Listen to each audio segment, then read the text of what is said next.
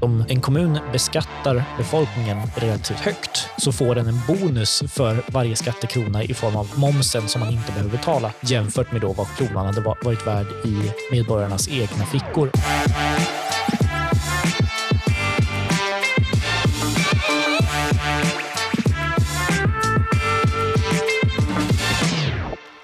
Du lyssnar på Ekonomerna med mig, John Norell och idag min kollega Caspian Revinder som är arbetsmarknadsansvarig här på Timbro. Välkommen. Tack så mycket. Eh, borde man beskatta arbetsinkomster eller konsumtion? Eh, ja. Ja. Och vet du varför jag säger bara ja? ja berätta. För det är samma sak. Eh, grejen är att vi, vi arbetar ju för att kunna konsumera. Så om man förenklar lite grann så spelar det faktiskt ingen större roll. Man kan tänka sig en jätteenkel, ett jätteenkelt eh, som ekonomi där det finns, du har en arbetsinkomst och det finns en vara du vill köpa. Apelsiner, säger vi. Mm. Eh, du tjänar 100 kronor och du vill bara köpa apelsiner. Apelsinerna kostar 10 kronor styck. Staten vill också ha sin del av kakan och beskatta dig med 50 kronor. Då kan man ju tänka sig antingen att staten tar 50 procent av din inkomst i inkomstskatt. Mm. Du har 50 kronor kvar och kan köpa fem apelsiner. Eller så lägger staten på 100 procent moms. Du har ingen inkomstskatt. Apelsinerna kostar 20 kronor och du har råd med fem apelsiner. Det här är ju helt utbytbara skatter i en sluten ekonomi. Mm. Men om jag sparar pengarna då? Ja, till vad då? Ja. Det finns bara apelsiner i den här ekonomin. Ja, Nej, men så här, på, på, på lång sikt, det är klart man kan spara pengar, men... Eller ge bort dem. Det är Eh, klart, vad ska de göra med pengarna? precis. Och vare sig man sparar, det vill säga ge till sig själv i framtiden, eller ge bort dem till någon annan, så kommer ju pengarna användas för att konsumera. Mm. Eh, så när man väl konsumerar, eh, så det spelar ingen roll i slutändan som om man har beskattning vid intjänandetillfället eller konsumtionstillfället. Vi jobbar för att kunna konsumera helt enkelt. Ja, det kan man säga. För att vi pratar ganska mycket om så, eh, det, borde, det ska vara mer lönsamt att arbeta, sänk eh, skatterna på arbetsinkomster och sådär. Men vi pratar väldigt lite om att jo, men vi hade lika gärna kunnat sänka skatterna på konsumtion och få egentligen samma effekt. För det kommer också leda till ökade incitament att arbeta. Absolut, absolut. Och det, man pratar ju lite grann om det så här i inflationstider, att när priserna går upp så sjunker reallönerna, att man blir fattigare för att priserna blir högre. Det. Men det pratar man Mm. ganska sällan om annars när det kommer till skatter. Alltså, reallönerna, re- reallönerna sjunker ju av högre moms också. Och I Sverige så har vi ju moms, mervärdesskatt, och den är ganska hög. Hur mycket är den på? Eh, Den ligger på 25 procent som standard, men det finns en, en bunt undantag. Eh, två nedsatta skattesatser på 6 procent respektive 12 procent. Och sen finns det en del varor som eh, inte har moms alls. Ja. Så man skulle kunna säga att det finns fyra momsskattesatser. 0, 6, 12 och 25 procent. Ja. Och eh, det här är näst högst i OECD. Om man kollar på momsen som andel av skatteintäkterna. Och, och det är en ganska stor skatteintäkt för staten också. Det är det verkligen. Ja. verkligen. Ja, nu har jag inte siffran i huvudet, men vad är det på 400 miljarder? Ja. En, en femtedel kanske av skatteintäkterna totalt. Ja, och det är en väldigt stor andel. Det är väldigt my- mycket pengar. Det är, man kan jämföra det, är kanske en grovt räknat tio gånger så mycket som den statliga inkomstskatten som man eh, kanske pratar mer om än momsen i politiska sammanhang i alla fall. Okej, men hur funkar momsen? Hur eh, tas den ut i Sverige? Hur funkar liksom vår skatt på konsumtion? Momsen betalas ju in eh, Alltså, det teoretiska upplägget är ju egentligen att om du köper någonting som kostar i grunden 100 kronor, kan vi säga, för det blir lätt att räkna på. Enkelt ja. Då läggs lä, lägger momsen på eh, en andel av priset, 25 procent typiskt sett. Så att om du köper en vara som kostar 100 kronor att tillverka betalar du 125 kronor, varav 25 kronor går till staten. Mhm.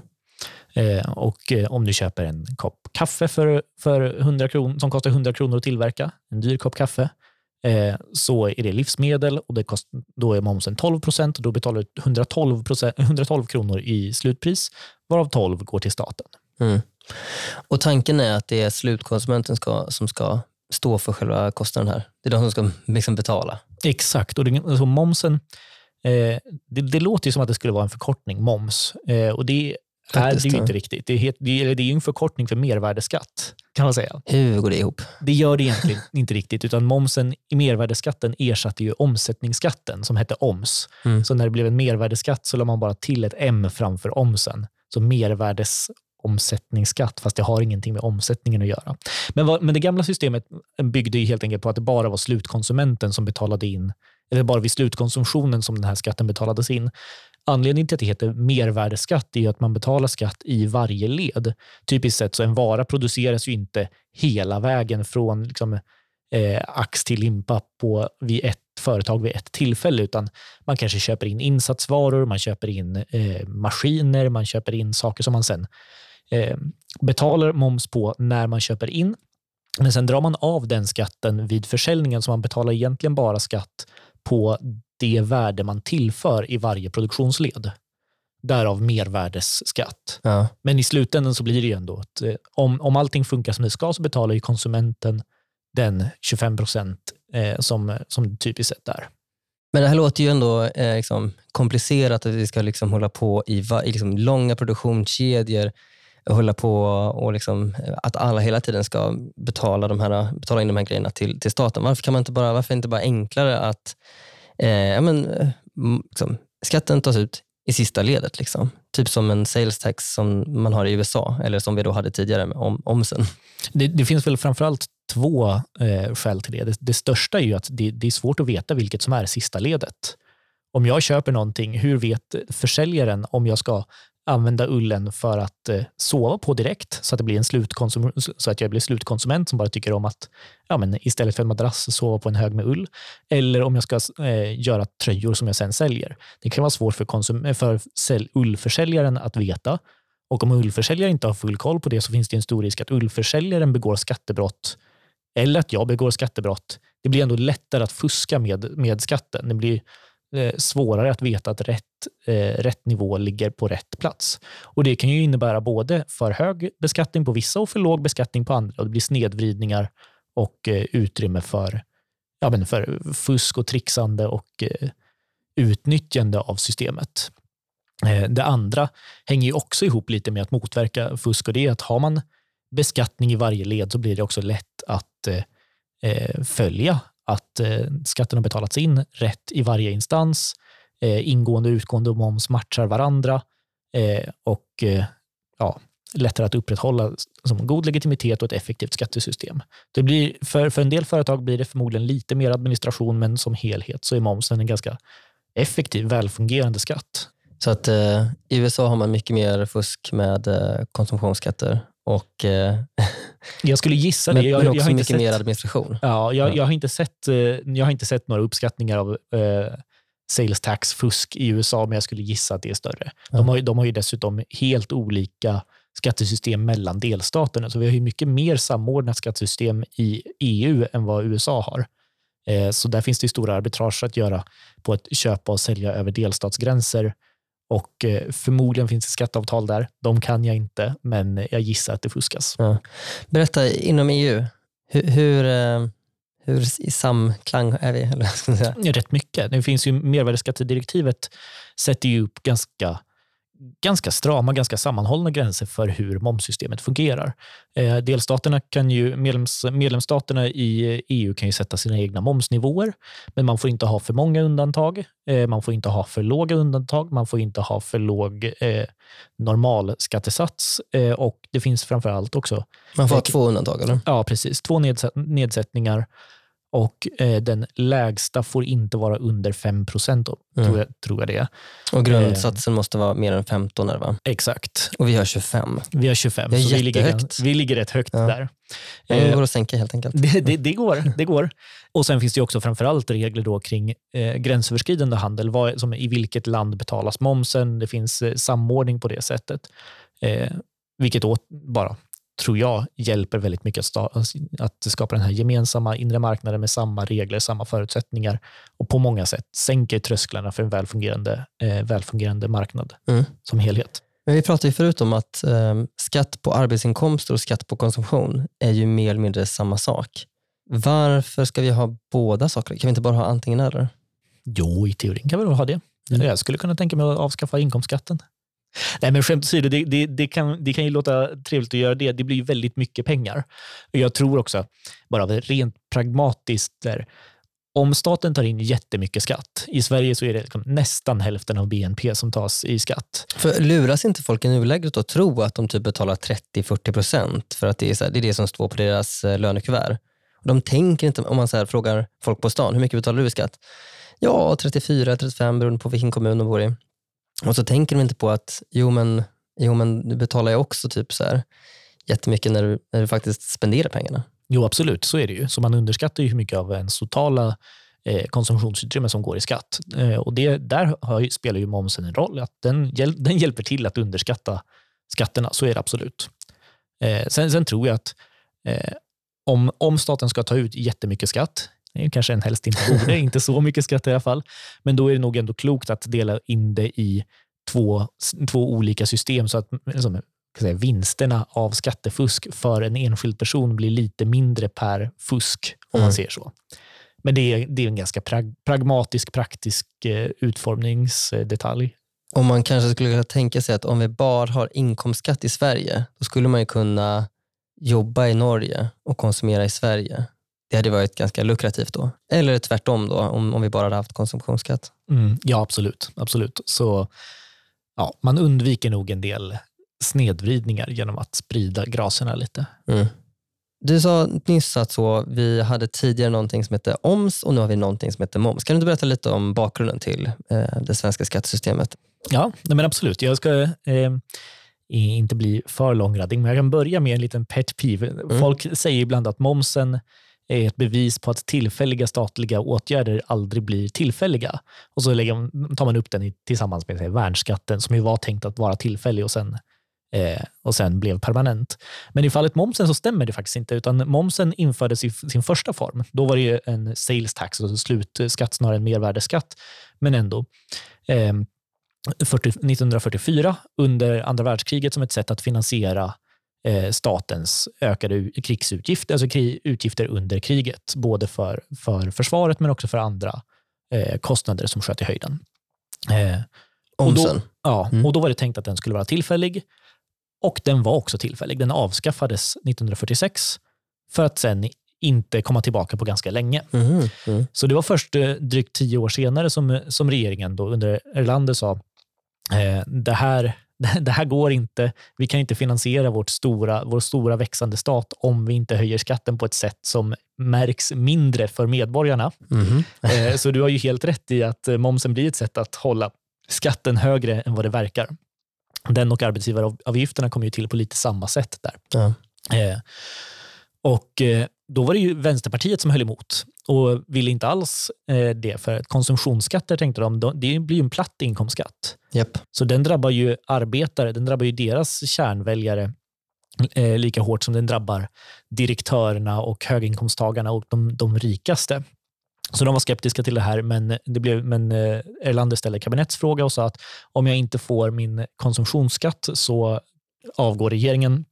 Vänsterpartiet föll till föga för att sen ungefär tio år senare, då, 1969, bli en eh, mervärdesskatt. Och det är så, så det är från 1969 som vi har i all väsentlighet den moms som vi har idag.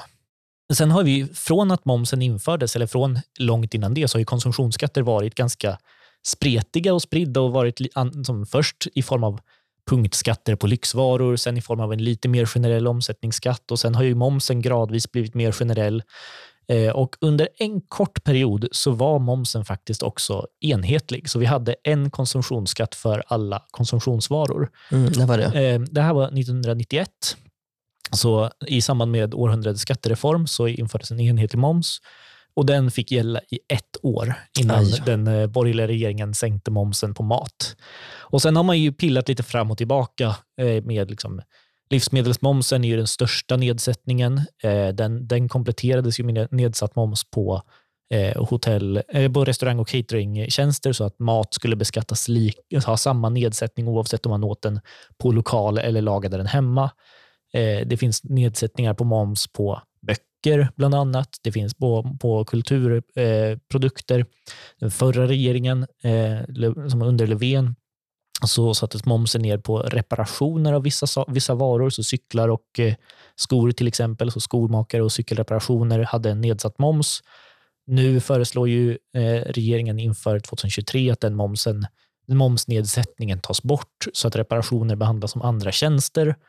Eh, så ja. det, det, har ju alltid varit lite så små justeringar fram och tillbaka av den här differentierade momsen. Kan du inte, vad är de absolut märkligaste, eller mest udda eh, konsekvenser eller så av att vi har ett differentierat, differentierade momsatser? Alltid när man ska om man ska dra gränser mellan olika kategorier av varor så hamnar man i, i lustiga gränsfall. Eh, och, och, Det gäller ju även momssatserna såklart. Mm. Eh, om man, man, tar ett exempel. Så persontransporter har nedsatt moms till mm. 6 Typiskt sett betyder det att liksom, kollektivtrafik, eh, taxibilar och, och liknande taxiresor och sånt har 6% moms och inte 25% moms. Men då kommer man in på frågan vad är en persontransport och när blir det någonting annat än en persontransport? Till exempel så har Skatteverket eh, slagit fast att eh, resor i hundspann, de mm. är inte persontransport för det är ju ett nöje. Så de har 25% moms. För nöjen är ju vanliga hederliga, som vanlig hederlig konsumtion med 25% moms. Det finns ingen skäl att eh, ha nedsatt eh, moms på det kan man tycka. Det är typ en berg och tänker de då? Ja, ungefär så. ja. eh, däremot luftballonger, det räknas som persontransport, så de har bara 6% moms. Och Den som kan ge mig en stringent förklaring till varför luftballonger men inte hundspann eh, är persontransport, ja, jag kan bjuda på en, momsnedsatt vara. Ja. Eh, av något slag. Men, men sen, där kommer man också in, in, på nästa fråga kring nöjen. Varför inte, har inte nöjen nedsatt moms? För kultur har ju det. Okay, och var ja. går gränsen mellan nöje och kultur? Eh, en fråga som ofta är lite... Liksom, det beror på om det är rika eller fattiga som konsumerar kanske? Det, det är nog inte en helt dålig spaning. Det har ju varit ja. Eh, eh, diskussioner kring biomomsen till exempel. Ska biobesök beskattas likadant som teaterbesök? Mm, för nu är det 25 procent på bio, eller? Ja. Eh, och ett typexempel där som ofta är uppe för debatt är ju dansbandsmomsen, som mm. man kallar den. Om du går på konsert så är det en kulturupplevelse. Eh, om du går och tittar på ett hårdrocksband eller på en symfoniorkester, mm. betalar, mm. eh, betalar 6% moms för, som en kulturupplevelse. Mm. Eh, men om det är dansband, säger Skatteverket, då är du inte där för kulturen utan för dansen. Och dansen okay. är någonting som du utövar som nöje och rekreation tillsammans med andra deltagare på plats. Du är inte där för musiken i första hand och då är det 25% moms för då är det nöje. Om Skatteverket klassar om en eh, artist från eh, musik, eller från kultur till nöje, från eh, riktig musik till dansband om man så vill, ja. så kan man åka på en rejäl skattesmäll. Och det här hände, liksom... faktiskt, det hände faktiskt Benny Andersson, Benny Anderssons Aha. orkester. De, där Skatteverket bedömde att för många dansade och tittade på varandra istället för att titta på scenen. Alltså var det här inte kultur, utan nöje ja. och alltså skulle, skulle skatten höjas. Oj då. Ja, då blir det verkligen märkliga konsekvenser. När typ, ja, men Benny Andersson kommer då istället att eh, ha incitament att eh, erbjuda konserter med sittplatser istället för möjlighet att titta på varandra och dansa. Eh, inte på grund av att typ så det är det som publiken vill ha, utan för att så, det är så man så att säga, eh, skatteplanerar här. Mm. Sen kan man säga att just Benny Andersson eh, klarade sig. Skatteverket valde att inte gå vidare med ärendet, men Arvingarna och Lasse Stefans och andra har fortsatt få betala eh, full moms, inte kultur utan dans, eh, dansbandsmoms. Eh, och det här är en gränsdragning som blir väldigt, jag säga, ett exempel på en väldigt konstig gränsdragning. Eh, en annan liten favorit, man, man skulle kunna fastna i bara lista exempel hela dagen. Det behöver vi kanske inte göra, men en liten ett exempel som jag tycker är så talande för, för den här gränsdragningen och hur svårt det faktiskt är, är ju livsmedelsmomsen. Eh, det är ju som, många tycker att det är helt rimligt att sätta ner momsen på livsmedel. Eh, Riksrevisionen har i, konstaterat att det är väldigt trubbigt som, som fördelningspolitisk mekanism, mm. men det kan vi komma till senare. Men, men då frågar jag, vad är ett livsmedel? Eh, om man särskilt tar gränsfallet krukväxter. För krukväxter, typiskt sett, om du köper liksom en, ja, en, en blomma, mm. eh, en amaryllis eller Den äter man inte. Den äter Nej. du inte, den, det är ett prydnadsföremål. Det är 25 procent moms på den. Yep. Eh, men om du kan äta den då? Om det är en krydda, en krydda till exempel. Mm. Är, det en, är det en krukväxt eller är det en krydda? Och Det här har eh, Högsta förvaltningsdomstolen fått eh, avgöra eh, efter en tvist mellan Skatteverket och plantagen. Eh, för plantagen ja, undrade vad, vad ska de ha för moms på örter och kryddor som de säljer i kruka? För det är ju ett livsmedel eftersom mm. man äter det. Men det är också en växt som eh, alltså skulle kunna vara en prydnadsväxt som skulle kunna vara eh, som en, en, mer långsiktig, som, ja, vanlig, långsiktig vanlig konsumtion som inte är uppenbart livsmedelsmomssatt. Mm.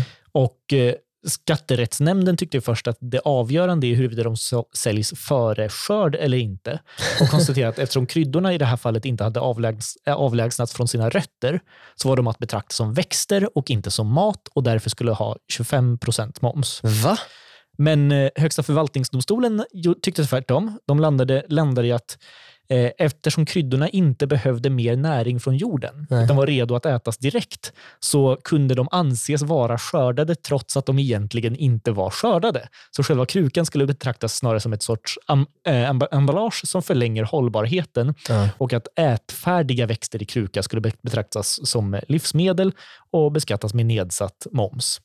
Och eh, Skatteverket gjorde sedan ett nytt uttalande och konstaterade att samma regler däremot inte gäller för växter som till viss del kan ätas för, av människor. Det vill säga om du till exempel köper en tomatplanta ja. så kan du äta frukterna, alltså tomaterna, men inte hela plantan. Eh, till skillnad från säg, en basilikaplanta där du verkligen kan äta hela. Mm -hmm. eh, så en tomatplanta är en krukväxt och inte livsmedel, medan en korianderplanta är livsmedel och inte en krukväxt. Och I den typen av gränsdragningar hamnar man ju alltid när man försöker skilja olika varor från varandra på ett juridiskt sätt istället för att bara behandla allting lika. Det blir ju det blir så märkligt. Framförallt, tänk om jag köper en tomatplanta för att plantera eh, och eh, kunna liksom, odla tomater. Mm. Och då är det ändå inte betraktat som livsmedel. Det blir väldigt många konstiga gränsdragningar här som du säger. Ja. Eh, har du fler sådana här märkliga exempel? Det, det, finns hur många som helst, eh, men istället för att dra dem så kan jag hänvisa till en strålande rapport av Max Sjöberg som heter Enhetlig moms när alla utom särintressena får välja, som publicerades på Timbro eh, 2020. Toppen. Men okej, okay, det blir märkliga konsekvenser. Eh, det, det liksom, man hör ju det. Men det är också ineffektivt att ha olika momsatser. Berätta. Ja, ytterst, den största effekten är ju att eh, skatten påverkar människors beteende. Mm. Om en vara blir dyrare, vare sig det är liksom för att insatsvarorna blir dyrare för att det faktiska priset ökar eller för att man lägger på en skatt, då kommer man vända sig mer från den varan och till någonting annat. Till exempel, säg någon eh, tjänar sina pengar, har sin lön och är, eh, tycker väldigt mycket om eh, att eh, köpa skor. Mm. Det är väldigt givande. Liksom. Eh, man, man hittar sitt inre lugn, man känner sig fin och liksom alla skäl som finns att konsumera skor. Då betalar man 25 procent moms på det och det kan vara en väldigt liksom, värdefull mänsklig aktivitet. Mm. Någon annan eh, som har precis samma inkomst och precis samma eh, konsumtionsutrymme till att börja med eh, kanske eh, hellre konsumerar böcker, läser, eh, tar del av, eh, som vare sig det är bilderböcker, konstböcker, skönlitteratur, facklitteratur, mm. eh, så kommer ju den personen då få lägre skatt på sin konsumtion och därför bli rikare. Så mm. staten har ju då valt att i praktiken så blir det här en omfördelning från skokonsumenten till bokkonsumenten. Yep. Eh, eller för den delen, eh, om man tar innan, eh, innan restaurangmomsen sänktes, så en person som, som gärna åt på restaurang fick betala högre skatt än en person som eh, hellre köpte insatsvarorna själv och lagade egen mat hemma i sitt kök. Ja. Det här snedvrider ju människors beteende och får folk att göra saker som de egentligen värderar lite lägre för att staten antingen medvetet försöker liksom styra beteende och uppfostra. Och så är det nog fallet med liksom böcker. Man tänker sig att det är bra om människor läser mycket, därför ska vi ha låg moms på böcker. Det finns en uppfostrande Det finns en uppfostrande aspekt, aspekt i det mm. hela. Men framför allt så blir det ju bara, bara liksom en snedvridning av människors beteende och därigenom en sänkning av människors ekonomiska standard som helhet. Mm. Och som du säger, det är ganska så paternalistiskt eller uppfostrande att varför ska vuxna människor som konsumerar liksom lagliga varor och tjänster varför ska politiker gå in och försöka styra människors beteende? Det borde vara, liksom, det borde vara fritt upp till dem att, uh, att uh, bestämma själva vad de vill konsumera. Mm. Och där finns det, alltid, det finns några olika svar beroende på vad det är för moms, eh, momssänkningar här. Eh, och de flesta är ganska dåliga om man granskar dem lite närmare. Eh, man kan ta börja med, eh, det finns det fördelningspolitiska argumentet, Mm. som framför allt används för mat, eh, nedsatt matmoms. Mm. Det är att eh, eh, låginkomsttagare lägger en större andel av sin inkomst på mat och det blir därför en fördel, ett fördelningspolitiskt instrument att sänka priset på mat genom en lägre moms. Eh, och det är kanske lite sant, men inte särskilt mycket, för höginkomsttagare lägger en betydligt större andel av sina pengar på restaurangbesök som ju har samma nedsatta, nedsatta moms. Höginkomsttagare köper också mycket dyrare mat än låginkomsttagare, så det skalar ganska bra med inkomsten. Inte ett till ett, men ändå ganska bra. Så det blir ett extremt dyrt sätt att stärka köpkraften för en, den relativt lilla grupp man vill, man vill eh, stötta. Mycket mer effektivt om man nu vill stärka köpkraften hos, eh, hos eh, utsatt, ekonomiskt utsatta grupper eller ekonomiskt svagare hushåll är ju att antingen rikta skattesänkningar till låginkomsttagare, Typ jobbskatteavdrag. typ Mm. jobbskatteavdraget. Eh, Eller för den delen bara så här klumpsummebidrag eller höja som bostadstillägget eller bostadsbidraget. Eller, alltså Mm. det finns ju åtgärder som är ganska direkt riktade till det man vill uppnå. Eh, momssänkningar funkar inte så bra för just det syftet. Mm. Eh, det är ett av skälen och det funkar inte så bra. Ett annat är ju miljöskäl till exempel. Eh, det var ju ett av argumenten till att man skulle ha sänkt, eh, sänkt moms på reparation av skor. Eh, Däremot inte nytillverkning av skor, för man tänker sig att eh, om någonting redan är byggt så är det bättre för miljön att reparera det än att bygga någonting nytt. Och det, även det, så här, dels är det jättesvårt att veta, är det bättre för miljön? Är det liksom, om man gör en livscykelanalys om hur mycket koldioxid tjänar man, liksom, sparar man in på Mm. att jag går till en skomakare som syr ihop mina gamla skor istället för att jag går till en annan skomakare som syr nya skor. Det är så här, särskilt om man komp- kompenserar då för att jag betalar såklart ett högre pris för nya skor till att börja med. Och för där ingår ju alla eh, som insatspriser på till exempel energi som betalar energiskatt. Eh, det är som är industrierna som, bygg, som gör kanske tråden betal, är med i utsläppshandelssystemet och betalar för sina utsläpp den vägen. Så som miljöpolitiskt, eh, som miljöpolitiskt verktyg så är det ju extremt trubbigt. Så egentligen är det mycket, mycket bättre att ha ett, ett pris på koldioxid. Och har man det, då är det helt överflödigt Ja, att ja, eh, exakt. försöka ytterligare eh, göra eh, insatser genom differentierad moms på eh, varor eller tjänster som man uppfattar som lite mer miljövänliga. Exakt. Mm. Och det tredje eh, och sista, ska, eller det kanske inte är sista, men det sista av de tre jag kommer på på rak arm i alla fall, är ju den mer eh, medvetet uppfostrande eh, inslaget. Och där kommer ju kultur och bokmomsen in till exempel. Mm. Eh, och den är ju svår Och den är på säga. 6 procent. Ja, precis. Mm. precis. Eh, och där kan man säga, men finns det en politisk vilja att människor ska vara mer bildade, konsumera mer böcker, mer kultur, för att då får vi ett bättre samhälle, det är liksom godare samhälle. Eh, det, det kan man säga, ja, det, det kan vara en politisk ambition. Och den kanske man uppnår med lägre skatter. Det låter ju väldigt rimligt att lägre pris faktiskt får fler att konsumera de varorna som man politiskt vill, vill gynna i så fall. Men det här eh, är också faktiskt lite oklart. Eh, man, gjorde, man har ju utrett eh, vad, vad som hände efter den sänkta bokmomsen. Bokpriskommissionen gjorde en, en stor genomgång och vad det verkar, det, är så här, det här är ju ganska svår data att samla in, svårt att ha perfekt information om vilka som konsumerar vilken kultur och hur. Mm. Men av vad, vad det verkar så har eh, sänkt skatt på kultur framför allt gjort eh, kultur, befintliga kulturkonsumenter rikare. Alltså de som redan köpte böcker köper nu fler böcker. Mm. De som redan gick på, eh, på Dramaten. eh, Dramaten går nu fler gånger på Dramaten. Eh, och det är ju toppen för dem. Men det blir ju en, Superhärligt. Ja, ja, men det blir en rent regressiv, där har vi en rent re- regressiv eh, faktor. För att Ja. de som konsumerar mest kultur, det är Typ ju personer stockholmare. som är typiskt sett ja, men stockholmare, akademiker, höginkomsttagare, Ja. eh, högutbildade. Absolut inte de som typiskt sett bruk, man brukar vilja gynna i, i, med finanspolitisk, finanspolitiska verktyg. Just nu är det ju en debatt om momsen på tidningar. Eh, där ett särintresse som heter Tidningsutgivarna gärna vill eh, pusha för att vi ska ta bort momsen på, på tidningar.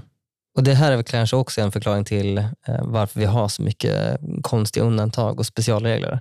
Att vi har särintressen som lobbar för att just deras, deras bransch, deras varor behöver stöttas.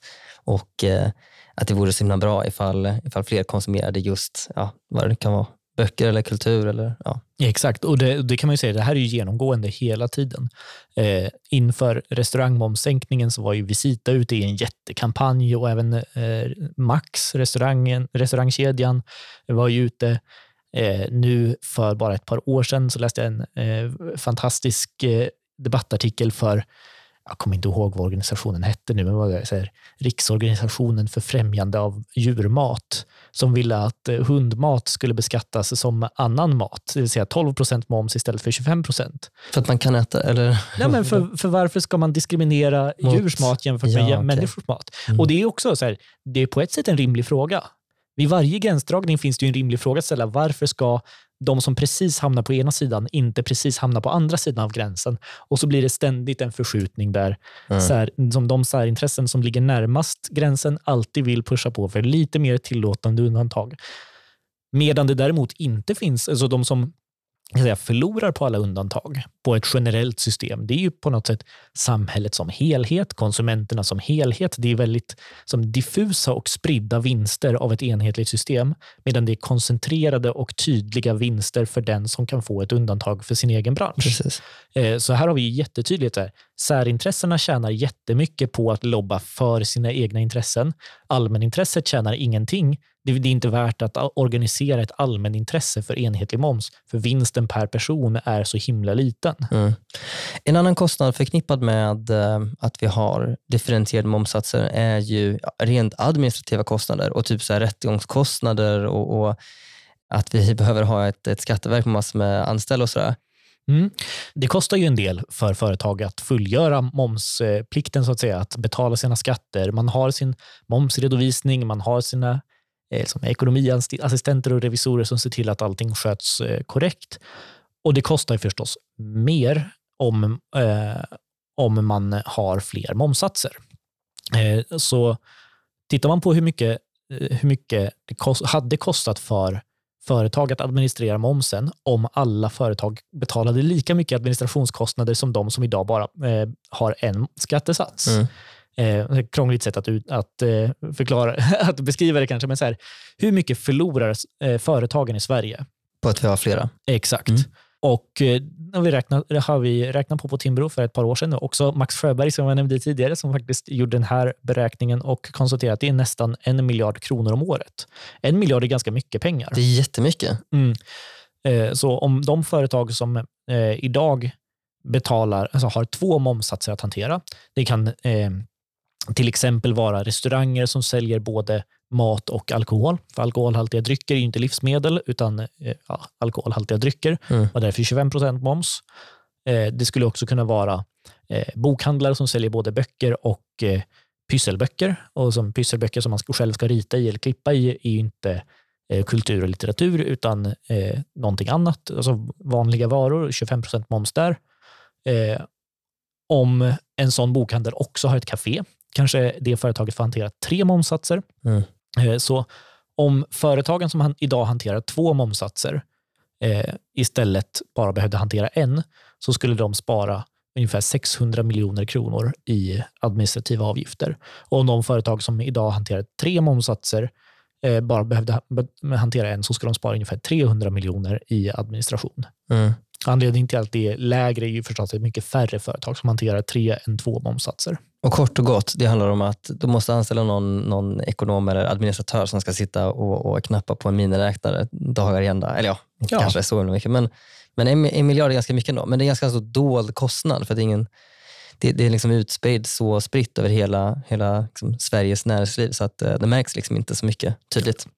Absolut, och där kan man säga att på ett sätt så eh, om momsundantagen uppgår till kanske totalt 45 miljarder och momsintäkterna totalt är på som flera hundra miljarder kronor. Eh, så en miljard, är det så himla mycket? Nej, I det stora hela momssystemet så är det kanske inte enorma summor, men det är ändå en miljard som extra kostnader bara för att vi har äh, differentierad moms. Mm. Och oftast liksom, när det kommer till budgettider så pratar man ju ofta om eh, satsningar från staten på kanske 50 miljoner hit och dit. Mm. Eh, en, en, minister som får 100 miljoner till en satsning kan vara väldigt glad över den.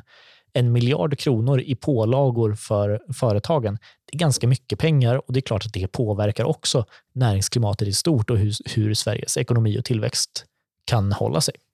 Okej, nu, nu tänker jag att man får kanske intrycket när man lyssnar på oss att eh, all konsumtion är momsbelagd på antingen då 25, 12 eller 6 procent. Men du nämnde ju också att det finns en del konsumtion eh, som är helt momsfri.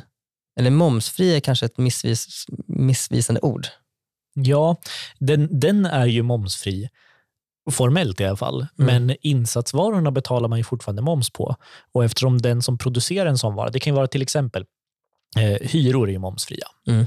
Du betalar inte moms på hyrorna. Eh, men fastighetsägaren betalar ju fortfarande moms på eh, det den köper in som Renoveringar. ja, renoveringar, el, underhåll. Mm. underhåll, målning av trapphus, eh, som, som eh, internet, eh, om det går via en förening eller via en hyresvärd eller li- liknande. Mm. Eh, det, den momsen försvinner ju inte. Det är fortfarande moms på el till Den exempel. blir dold. Men eftersom det inte är moms på hyran så kommer det se ut som att det är 0% moms. Eh, I vissa fall blir det här ett jätteproblem. Mm. Eh, Alltså, är, är du slutkonsument i en hyresrätt till exempel, då gör det kanske inte en jättestor skillnad mer än att det ser ut som att det inte är någon moms när du i själva verket betalar för, eh, för hyresvärdens moms i praktiken. Men det är ju bara en, en ren redovisningsfråga kan man säga. Det gör ju ingen skillnad i praktiken. Men om du däremot har eh, hyran, som om hyran i så fall skulle vara en de facto en insatsvara till någonting annat så kan det bli, bli så att du får kanske. inte dra av momsen eh, för, du får inte dra av den ingående momsen eftersom den är nollad Mm. och därför dold. Men du måste fortfarande lägga på moms på det 25%. du säljer. Eh, det vill säga att man kan få en dubbelbeskattning för att man har noll moms. Så det, det låter ju lite paradoxalt här, att om man tar bort momsen så kan man få dubbel moms. Mm. Eh, men det här är, är ju ett bra exempel på hur generella system som bör inkludera så mycket som möjligt. Mm. Tar man bort någon, någon aspekt ur det, tar man bort någon verksamhet, så finns ju en risk att liksom man får oönskade kon- konsekvenser, oönskade effekter och att kostnader liksom snurrar iväg på sätt som man inte riktigt ser. Vad är det för var, du nämnde det, hyror. Eh, vad är det mer som inte är momsbelagda? Eh? Eh, finansiella tjänster har inte heller moms. Eh, och sen har vi hela den offentliga sektorn mm.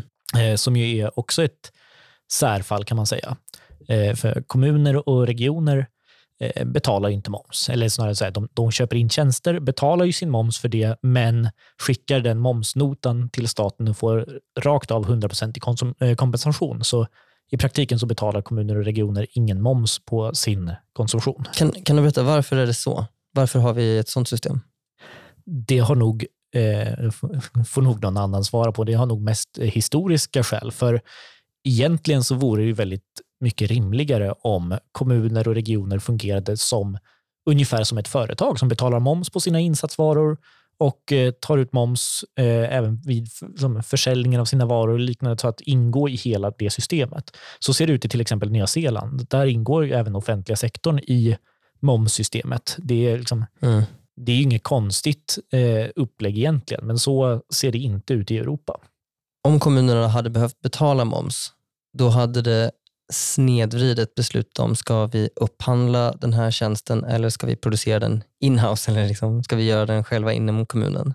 Och nu får de istället pengarna tillbaka på den momsen. Vad man kan säga att det här leder till det är ju att eh, om en kommun istället, istället för att du köper någonting du vill konsumera Mm. så beskattar kommunen dig och köper samma sak åt dig.